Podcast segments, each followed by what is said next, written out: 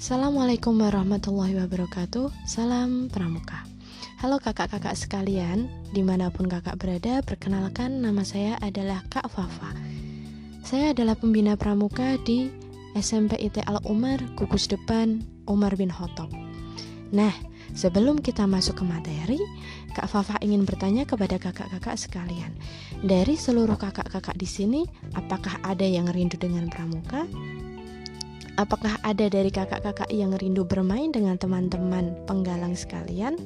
Apakah ada dari kakak-kakak kalian yang rindu melakukan tepuk pramuka dan segala kegiatan yang berkaitan dengan pramuka? Kalau iya, maka jawabannya adalah sama. Di sini Kak Fafa juga sangat rindu dengan kegiatan yang ada di gugus depan Umar bin Khattab SMP ITL Umar.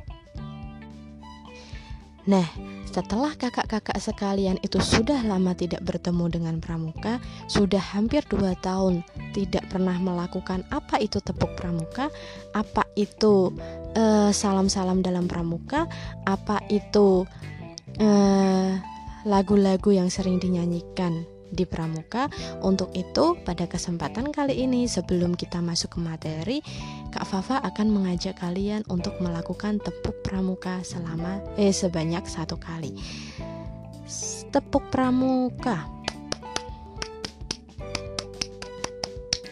Nah, kakak-kakak di rumah boleh mencoba dan melakukan tepuk tersebut secara sendirian. Nah, berangkat dari kerinduan kita terhadap pramuka, berawal dari bagaimana kita itu uh, menginginkan adanya kegiatan pramuka lagi di gugus depan Umar bin Khattab. Untuk itu, Kak Fafa akan menemani kalian beberapa menit ke depan untuk membahas tentang golongan pramuka penggalang. Nah, seperti kita tahu bersama bahwa golongan pramuka itu dikategorikan atau diklasifikasikan atau digolongkan berdasarkan usia peserta didik setelah pramuka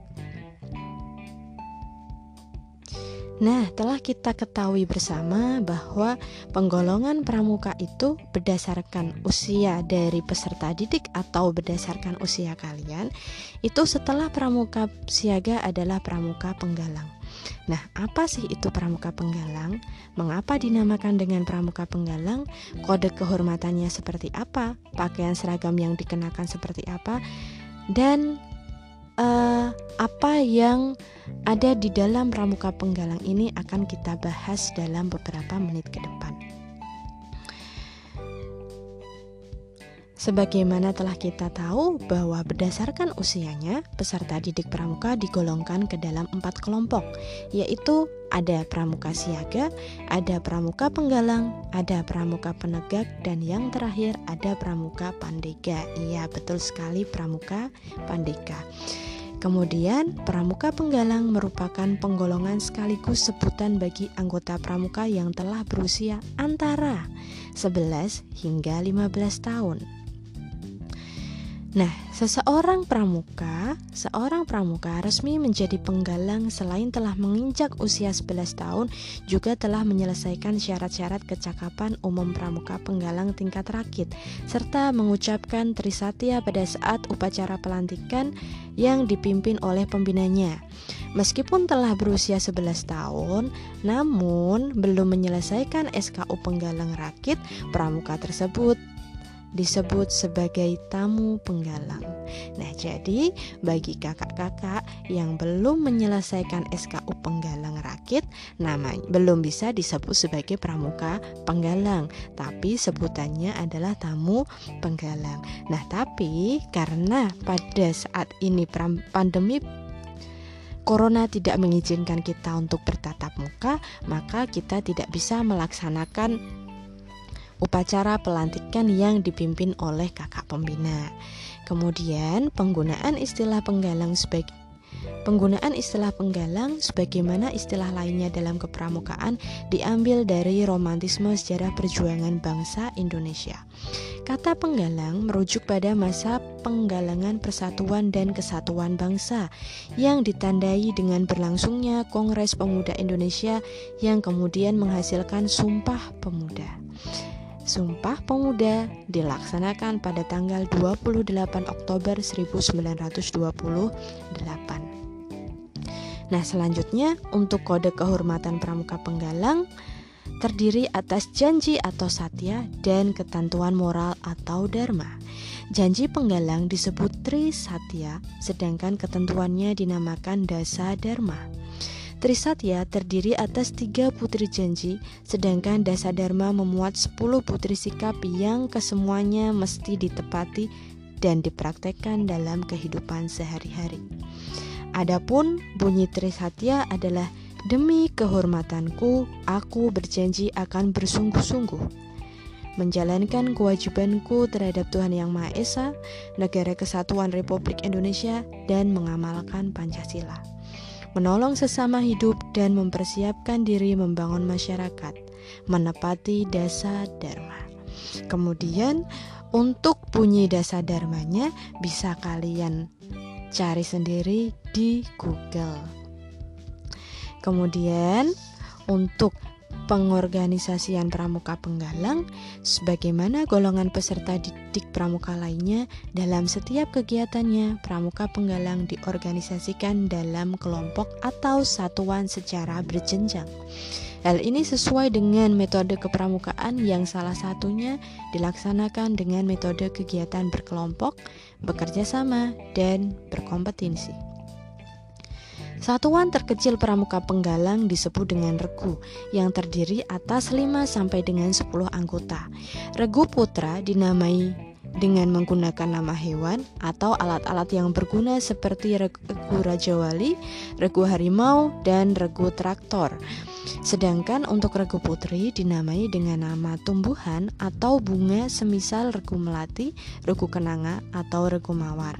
Setiap regu dipimpin oleh pemimpin regu yang disingkat pinru dan dibantu oleh seorang wakil yang dinamai dengan wakil pemimpin regu atau disingkat dengan wapinru.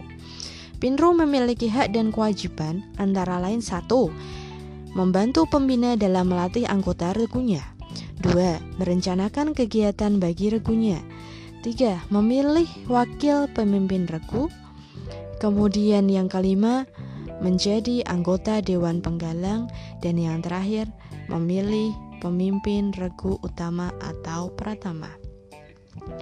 Empat regu dihimpun dalam satuan yang lebih besar yang dinamakan dengan pasukan.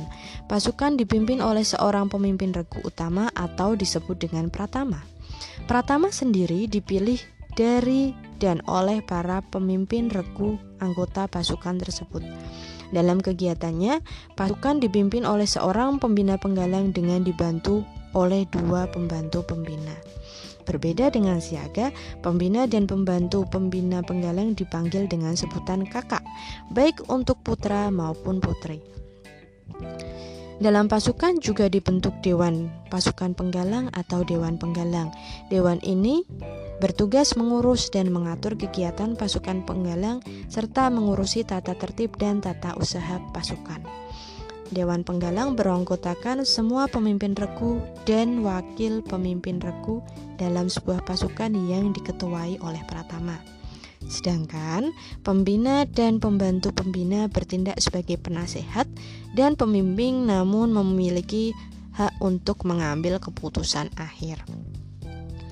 Selain itu juga terdapat Dewan Kehormatan yang tugasnya membina kepemimpinan dan rasa tanggung jawab para pramuka seperti menentukan pelantikan, pemberian TKK dan tanda penghargaan, pelantikan Pinru, Wapinru dan Pratama menentukan tindakan atas pelanggaran kode kehormatan dan merehabilitasi anggota pasukan.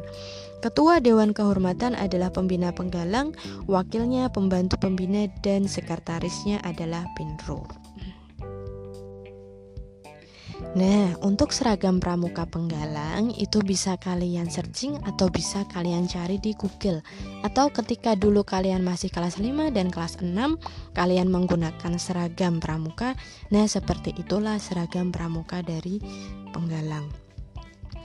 Kemudian untuk sistem tanda kecakapan pramuka penggalang, Kecakapan pramuka penggalang terdiri atas kecakapan umum, kecakapan khusus, dan pramuka ga.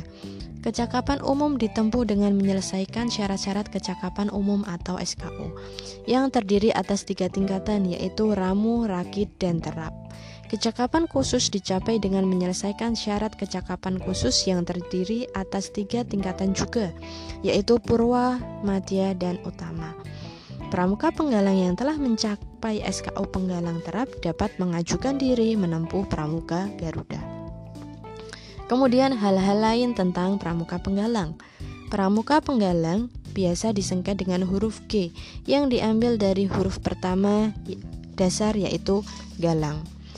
Kemudian penggalang menggunakan kode warna berwarna merah yang melambangkan penggalang sebagai masa-masa berkembang dan penuh kemeriahan hidup.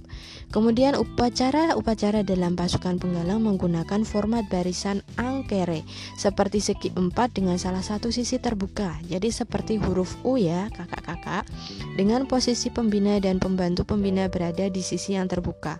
Ini memiliki filosofi mulai berkembangnya pandangan penggalang dalam menerima pengaruh yang baik dari lingkungan di sekitarnya. Kegiatan-kegiatan atau pertemuan pramuka untuk pramuka penggalang antara lain adalah jambore, lomba tingkat, perkemahan bakti, gladian pemimpin regu atau dian bienru, forum penggalang penjelajahan, jota atau jambore on the air, joti atau jambore on the internet, dan perkemahan lainnya. Nah, untuk pembahasan pramuka penggalang, Kak Fafa kira sudah cukup panjang pembahasannya. Namun tentunya masih banyak hal yang belum termuat dalam apa yang disampaikan oleh Kak Fafa ini. Untuk itu, khusus pramuka penggalang jangan pernah bosan untuk selalu belajar dan menggeladi diri guna mempersiapkan diri untuk membangun masyarakat.